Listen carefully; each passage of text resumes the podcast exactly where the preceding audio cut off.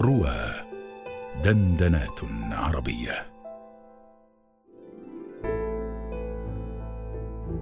كتاب الجزيرة تأليف أولدز هيكسلي ترجمة محمود محمود بصوت الراوي عبد الرحمن عبيد على رواه.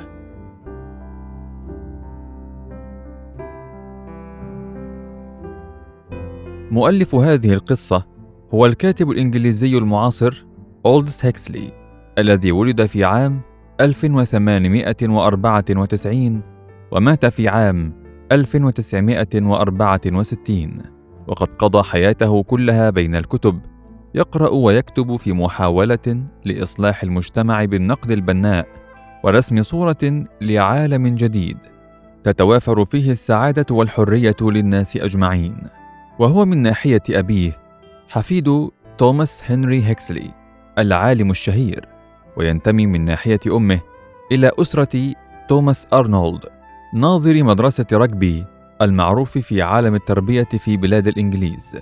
ومن بين أفراد أسرته من كان أستاذا ومن كان عالما أو شاعرا أو روائيا فهو من بيت علم وأدب تأثر في نشأته بهذا الوسط الثقافي. وتزود بقسط وافر من المعارف وقدر كبير من الألفاظ المعبرة. ولما كان من الأدباء الموهوبين فقد كانت كتاباته دسمة تنطوي على فكر عميق وأسلوب رائع خلاب. قاس كثيرا في طفولته من ضعف بصره الذي كاد أن يفقده ويعيش ضريرا كفيف البصر. وقضى اياما كثيرة وحده في غرفة مظلمة لا يستطيع القراءة ولا تقع عيناه على شيء.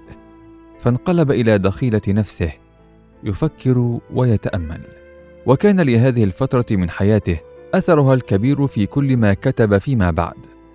بعدما زال عنه خطر العمى الكامل واسترد شيئا من قدرته على الرؤية فهو يميل دائما إلى التفكير المستقل والتأمل الصوفي غير أن ما أصابه في عينيه لم يصرفه عن التعلم وإدمان القراءة وقد بدأ حياته الأدبية شاعرا محتذيا في ذلك حذو أكثر الكتاب من جيله ولبث شاعرا طوال حياته حتى عندما تحول من التعبير بالكلام المنظوم إلى النثر الفني يكتب به القصص والمقالات.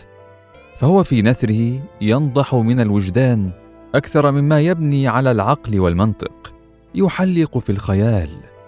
ويستخدم الطريف من التشبيه والاستعارة والكناية.